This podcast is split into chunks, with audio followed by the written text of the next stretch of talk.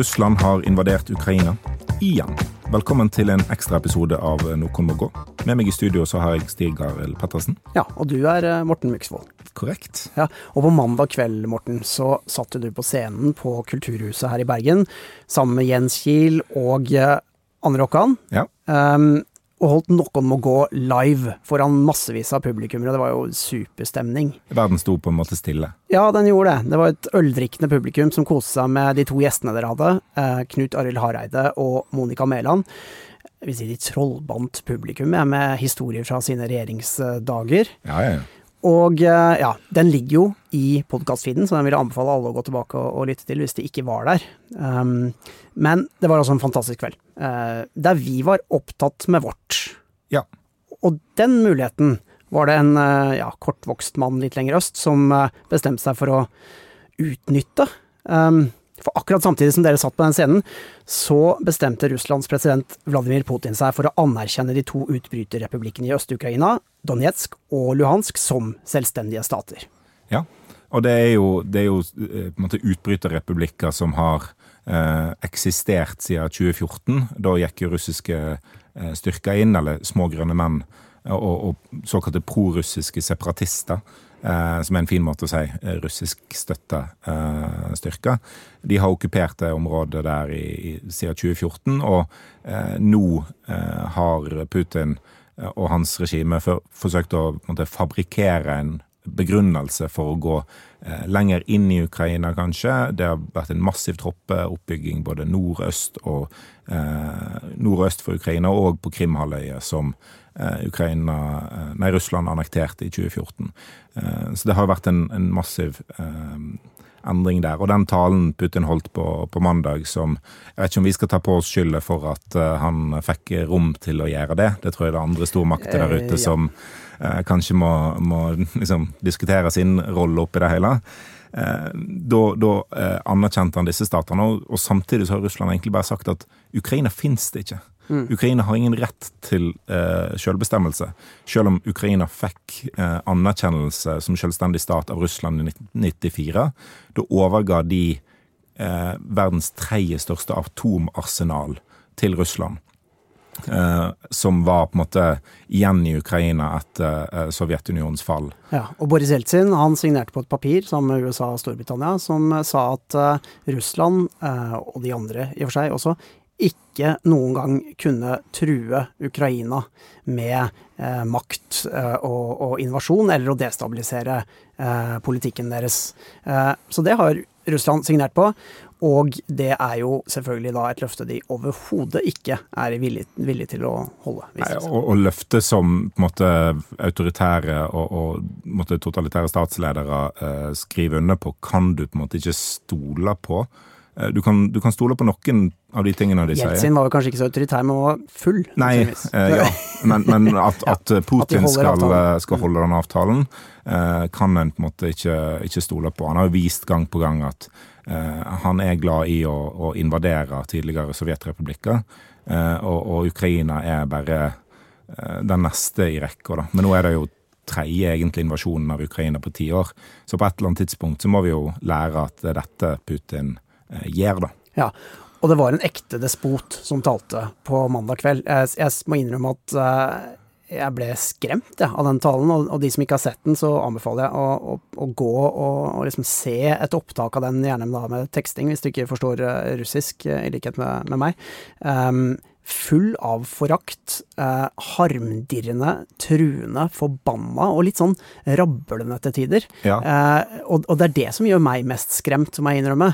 Eh, fordi man kan jo sitte og håpe på at ok, kanskje Putin har store ambisjoner på egne og Russlands vegne, men forhåpentligvis har han i hvert fall et snev av rasjonalitet. Men idet man begynner å se tegn til at den rasjonaliteten kanskje ikke er så sterk, så er det umulig å vite hva som kommer til å skje framover. Ja, en, en, forklaring, en slags rasjonell forklaring på hvorfor Putin er så sint, eh, finner en jo egentlig i begrunnelsen hans for å gå til krig. For han, han sier at han går inn i Donbas-regionen øst i Ukraina for å beskytte russere mot et folkemord. Han bruker egentlig retorikken USA og Nato brukte i Kosovo for å beskytte kosovo-albanere mot et folkemord fra Serbia. Bortsett fra den gangen så var det kanskje Da var det ekte. Ja. Da var det ekte. Mm. Og da, da, var det sant. Men, men dette har på en måte Russland en lang historie med å Eh, gå til såkalte defensive kriger, sende inn fredsbevarende styrker, som de kaller det, for å beskytte minoriteter, beskytte russiskspråklige. Og så er det offensive kriger. Der, der har en jo på en måte mange historiske paralleller. Ja. Og vi, er, vi, har akkurat publisert en kommentar, eller jeg har akkurat skrevet ja. en kommentar som tar opp bl.a. Uh, eh, det. Uh, Hitler og Sudetland uh, på 1930-tallet. Hitler argumenterte også for at denne tysktalende delen av Tsjekkoslovakia burde ligge innunder Tyskland, for de var jo tyske, og han ville beskytte dem og gi dem de samme rettighetene. De skulle få lov til å tale sitt eget språk og lære barna sine dette språket. Og det er som å høre Putin i dag. Han har jo sagt at uh, stakkars disse russisktalene i Øst-Ukraina som, som, ikke får lov til å, å, lære barna sine sitt eget morsmål. Som jo selvfølgelig er tull. Ja, og det er jo derfor en må på en måte, når en hører på uh, sånne statsledere som Putin, så må en ha et filter i hodet. En må ikke tro på det de sier, fordi det, det er veldig sjelden land går til krig og sier at de går til krig for å bare ta et område fordi de vil ha mer makt, fordi de vil gjenvinne et gammel storhet. Altså, Det er som oftest en slags forsøk på legitimitet. Det er samme grunn til at det avholdes valg i Syria, i Nord-Korea. Mm. Altså, de vil ha et skall av legitimitet, sånn at en kan si til folk at jo, men 97 stemte jo for at jeg skulle være president. Veldig mange stemte for at Krim skulle bli annektert av Russland. Ja, men det sto væpna folk utenfor valglokalet. Hva tror du folk kommer til å gjøre? Sånn? Og, og, det skal vi selvfølgelig ha med at det er umulig å vite hva Putin egentlig vil ja. med dette. Altså det er klin umulig å sitte inn i hodet hans og, og kunne si noe fornuftig om det. Det vi vet er jo at Eh, at, han ønsker at Ukraina ikke skal bli medlem av Nato, at Nato ikke skal utvides mer østover. Og, og det kan man jo si at han oppnår ved å destabilisere Ukraina, okkupere deler av landet, for da, da kan ikke Ukraina opptas i Nato uansett. Nå hadde jo ikke det skjedd på kjempelang tid uansett. Ukraina er ikke klar for Nato-medlemskap, og det krever at alle land i Nato er enige om at det skulle bli tatt opp for at det skulle skje. Ja. Eh, men det har han oppnådd. Noe annet han selvfølgelig vil oppnå mer generelt, er jo å kontrollere Ukrainas utenrikspolitikk. Kontrollere ikke minst Ukrainas forhold til Vesten og til Europa. Um, I store deler av Ukrainas tid som selvstendig land etter at Sovjetunionen kollapsa i 1991, så har jo Russland hatt en alliert i presidentpalasset ja. i Kyiv, ikke sant. Uh, og Ehm, den siste av, av dem, Viktor Janukovitsj, måtte jo rømme i 2014. Rett og slett fordi han eh, sa opp en, en, avtale med EU som skulle knytte Ukraina nærmere EU. Fikk massivt press på seg eh, fra Moskva for å droppe den avtalen. Gjorde det, og da gikk folk ut i gatene. Og eh, resten er historie, holdt på å si. Det ble opptøyer, det ble blodbad.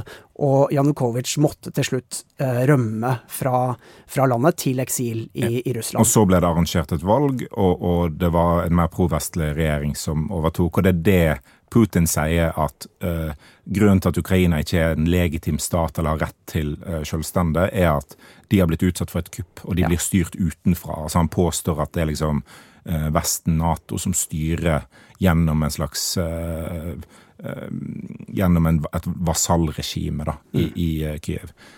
Og det, det, er jo feil, men, men, Putin har jo ikke noe forhold til å tape valg eller til maktskifte, annet enn å få makt.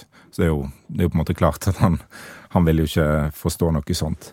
Du, um hvordan har dette blitt uh, mottatt f.eks. her i Norge? da? Vi er jo også et naboland til uh, Russland. Ja, altså Jonas Gahr Støre holdt en pressekonferanse i går tirsdag der han var ganske hard i ordbruken og, og, sa at dette var en invasjon, og dette skulle fordømmes på det sterkeste. Og det var ganske liksom, for, egentlig forventa, fordi at det er Eh, gjennom Nato EU og, og en del andre land òg, så er det ganske gjennomgående fordømmelse. Han lå på liksom en europeisk linje, og ja. er, det noe, er, det noe, Støre kan, så er jo dette med å, å skulle man tro, da, eh, veie ordbruken sin som en, en tidligere diplomat. Ja, eh, så han, han, liker å ligge på den europeiske linja. Men, mm. men etter pressekonferansen så trakk han seg litt tilbake igjen, og det kom ut en rettelse.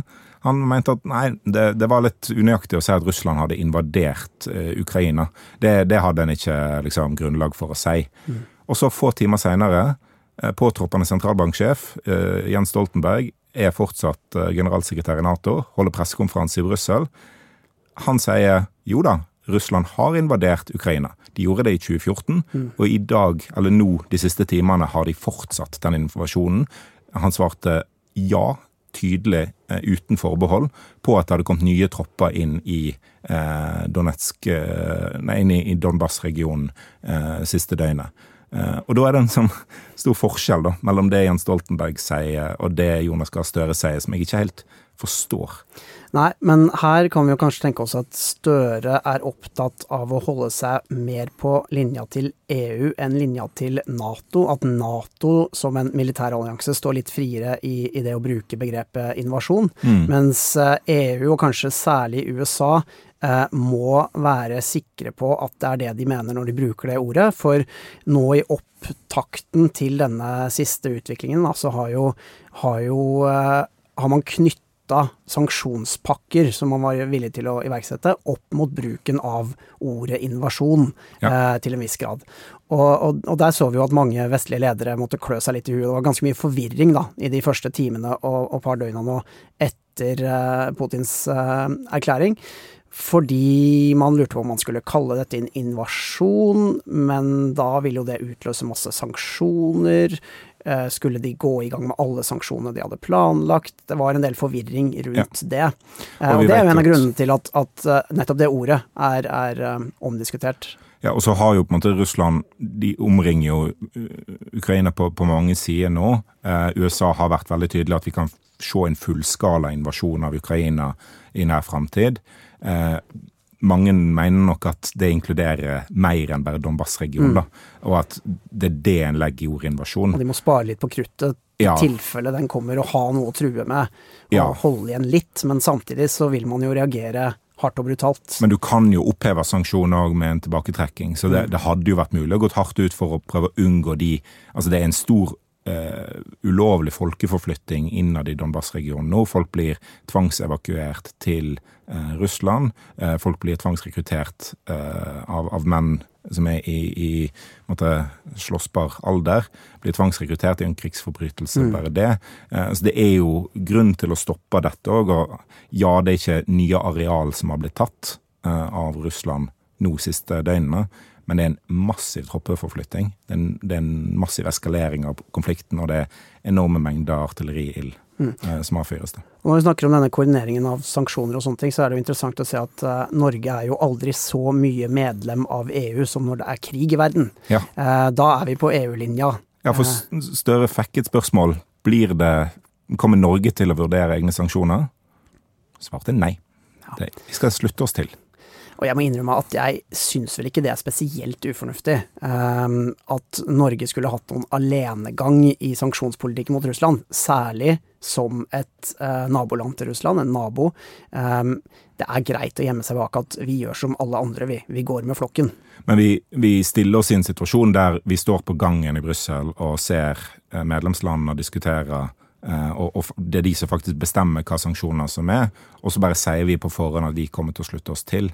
Eh, samtidig så har Norge brukt veldig masse politisk kapital på å bli medlem av Sikkerhetsrådet i FN, som er en fullstendig irrelevant aktør oppi dette, fordi Russland har jo både presidentskapet ja. denne måneden og, og har vetorett. Veto så det har jo på en måte null ting å si. Men der har vi liksom sagt at her skal vi gjøre en forskjell på, på, nasjonal, på, på verdensscenen.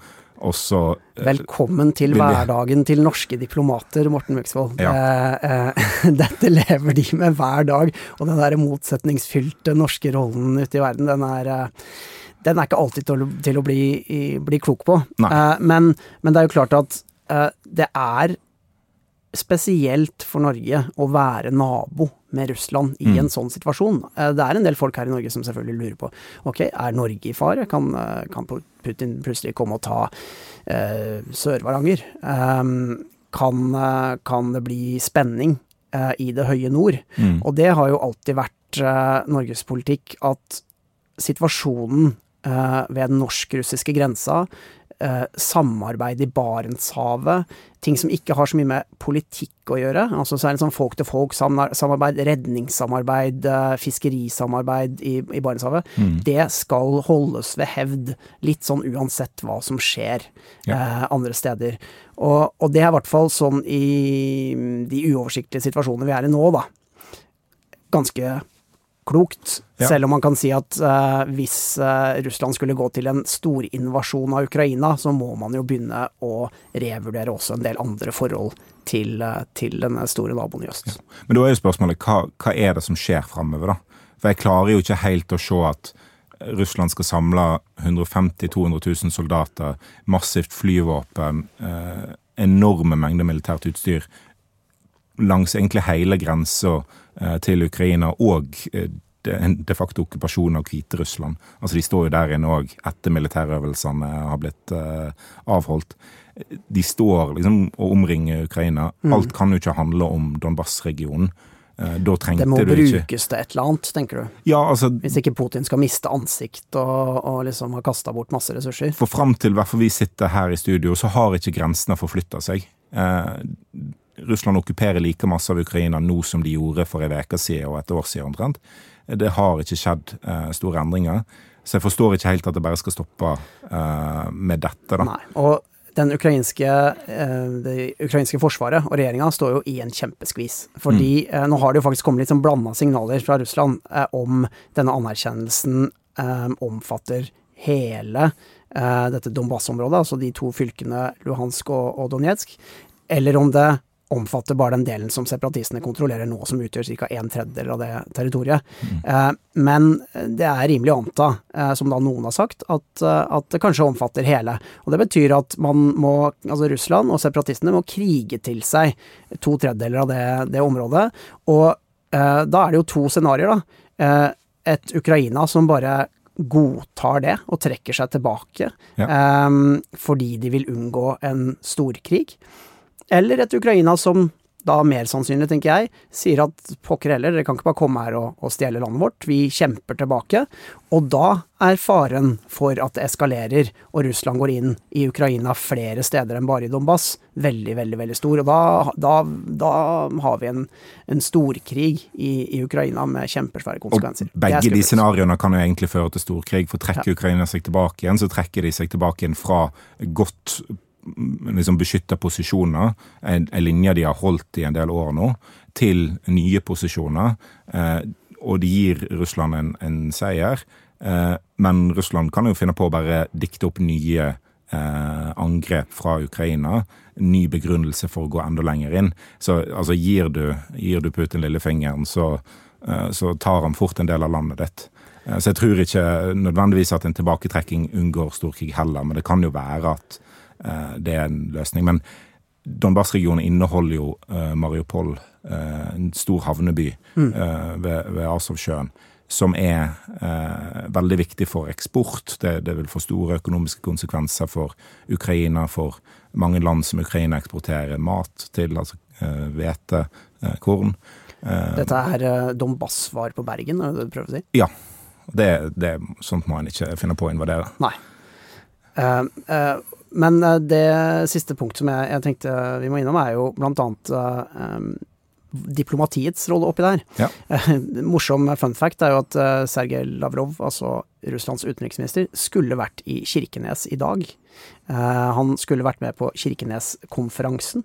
Han pleier å være der, tror jeg. men, og vår utenriksminister, Anniken Huitfeldt, er der og, og, og har talt.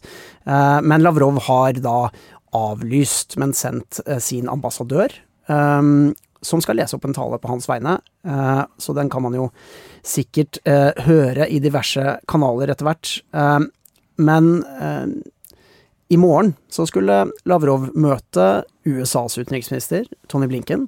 Det har amerikanerne avlyst. De sier det er ikke noe vits i, du kan ikke prate med folk som holder på sånn som det her. Hva tenker du om den beslutningen?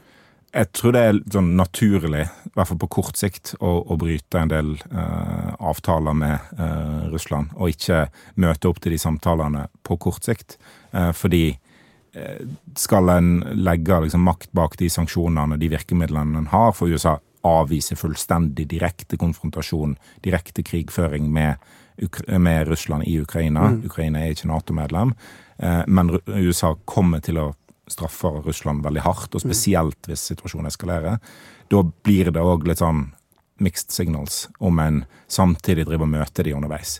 Men på et eller annet tidspunkt må jo det diplomatiske sporet eh, kobles på igjen. Ja. Um, og at det kanskje bare er noe signal som sendes nå ved at Eh, Blinken avlyse eh, møtet med Lavrov, men at en om kort tid igjen møtes. Det, det får en jo virkelig håpe, da. De siste ukene så har jo Frankrikes president eh, Emmanuel Macron prøvd å, prøvd å være en sånn diplomatisk superstar som har mm, reist rundt. Ja, ikke sant. Men um, ja, man kan sikkert si mye om det. Jeg tror nok han skal ha mye for forsøket sitt, men at det viser seg at Putin nok hadde bestemt seg for noe for lang tid siden og bare ville holde dette teatret gående. Jeg tror nok Macron ville få til en, en løsning som innebar denne Minsk 2-avtalen fra 2015, da, hvor, ja. hvor separatistene og Ukraina ble, ble enige om eh, en litt sånn spesial, spesiell status for, eh, for, disse to fylkene innad i Ukraina. Noe som også ville vært en slags blokkering av et mulig ukrainsk eh, Nato-medlemskap. Så det kunne også i teorien tilfredsstilt Putin. Den avtalen, for det første, er det ingen som har fulgt. For det andre så har Putin nå sagt at den avtalen eksisterer ikke lenger. Mm. Og det er morsomt, for dagen før så, så, lo han av de som begynte å dra fram den avtalen, for han sa Russland er jo ikke part i den avtalen. Og det er han helt rett i. Men han har også da sagt at den er annullert, uten at han er part, av, part i den. Det er også en interessant sånn diplomatisk fri. Um, så det kan se ut som det var det Macron prøvde på. Han feila. Ok, uh, og amerikanerne avlyser sine møter med russerne. Jeg tenker jo at uh, Norge, som en uh, nabo til Russland, kan jo kanskje ha en rolle her. Vi har vært gode på dette med litt sånn hemmelige bakkanaler og sånne ting, og, og det kan jo hende at Anniken Huitfeldt får en litt sånn ilddåp de neste ukene, med å kanskje være den som har eh, gode relasjoner både i øst og vest. Eh, vår statsminister Jonas Gahr Støre har jo et godt forhold til Sergej Lavrov, eh, utenriksministeren i, i Russland. Hans Støres favorittsaksfelt er jo nordområdene. Ikke sant. Um, Vi husker det da han var utenriksminister. Og jeg tenker det er verdt å tenke på i den situasjonen her, er at fram til for sånn tolv år siden, så hadde Norge og Russland en helt uavklart grense i mm. Barentshavet. Altså, vi visste ikke hvor grensa vår mot Russland gikk i Barentshavet. Ja, men du kan og, ikke se den grensa under vann? Du kan eh, ikke se den grensa under vann. uh, så, men, men, men, men, de klarte å se den grensa til slutt. Altså, de ja. prøvde jo siden 60-tallet, og det var nettopp Støre og Lavrov som fikk til dette ved hjelp av veldig, veldig dyktige eh, byråkrater, selvsagt, ja. men fikk til dette i, i 2010. Et diplomatisk mesterstykke som jeg tror vi skal takke dem begge for akkurat nå, for nå hadde det vært klin umulig å, å få til. Ja, og det ville blitt mye mer problematisk òg hvis du hadde hatt mer russisk militæraktivitet i nord, mm. og, og, eh, at Norge måtte sende opp flere jagerfly for å møte dem og se hva de holdt på med, hvis grensene var uavklart. For det, det er noe med å fly i internasjonalt territorium kontra å fly over i norsk territorium. Eh, det ville skapt eh, veldig stor spenning. Og det kan jo være den gode begrunnelsen for hvorfor Støre går for den litt mildere varianten av har Russland invadert Ukraina? Altså Fakta peker på ja, men politikk peker på at det kan være lurt å svare nei akkurat nå. Støre er jo opptatt av dialog. Dialog, ja. Um, og Så blir det jo spennende å se sanksjonsregimet framover, for det er, der, det er, jo der, Vesten kan svare. Altså, En kan selvfølgelig gi militært materiell til Ukraina, en del Nato-land gjør det. Norge har uh, som policy å ikke gi militært materiell til Ikke bare som policy, det er norsk lov, ja, rett og slett? Eh, til, til, land som er i krig, eller som fort kan havne i krig. Mm. Um, for våpen skal jo ikke brukes til krig. Nei, det er vi veldig opptatt av i Norge. Vi kan ja. bare eksportere til sånne diktaturer i, i Midtøsten og sånne ting. Ja. Det er helt innafor, men ikke, ikke, denne her type Ja, Det er litt denne eh, dobbeltheten venner, i norsk utenrikspolitikk. Ikke, ikke, venner som trues av en stormakt. Det Nei. kan vi ikke. Men uh, det jeg syns var litt overraskende, var det det var jo nesten det første som kom ut av eh, sanksjonstiltak. Eh, det det har vært mest snakk om de siste ukene, og som eh, var det tydeligste tegnet da, på et sånn type strekk i Nato-laget. Eh, en, en, kilde til konflikt mellom eh, USA og Tyskland i lang, lang tid. Ja. Nemlig gassrørledningen Nord Stream 2, som går fra den russiske jeg husker forskjellen på enklave og eksklave. Det er vel da en eksklave. Ja. Um, i, ved, ved, ved Balt, ja, i, i, Baltikum. Kaliningrad. Kaliningrad eh, til Tyskland. Eh, og Den står klar til å brukes, og Ja. nå har Tyskland sagt den vil vi nå stoppe godkjenningen av. Vi vil ikke ta den i bruk. eh, Koster vel 10 milliarder dollar å bygge den. Ja, og Det betyr rett og slett at Russland får ikke solgt gass til Tyskland på samme måten som de så for seg, går glipp av massevis av inntekter.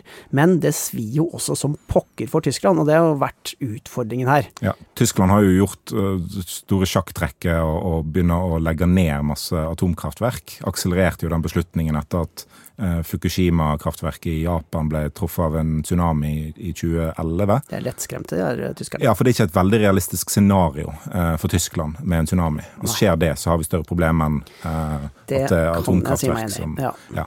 Uh, Men de har gjort seg mer avhengig av Russland, da. og det Mm. gjør jo at hele EU egentlig har blitt svekka i sin håndtering av Russland. Uh, Og så er det første de smeller i bordet, er at denne, eh, eh, denne gassrørledningen den, den skal ikke demonteres, så han kan jo hende han kommer i drift på et eller annet tidspunkt, men han skal i hvert fall ikke eh, sertifiseres og igangsettes nå.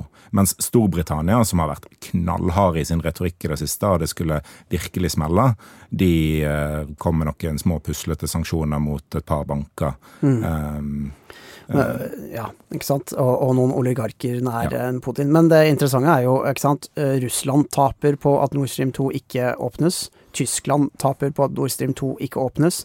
Hvem vinner på det?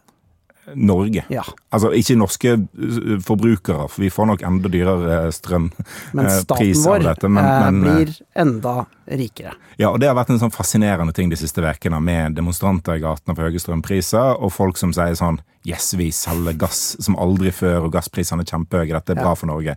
Og så er det sånn, ja, men det er to sider av samme sak. Det er Det er en energi. grunn, det er en grunn til at Ja. folk demonstrerer i gatene. Det er fordi Equinor tjener så ekstremt masse på gass nå. Mm. Fordi det er en forklaring på hvorfor strømprisene er høye. Men i Norge så har vi jo ikke sterkt forurensende gasskraftverk, må vite. Det har de jo nedover i, eh, i Europa. Mener norsk gass, ja.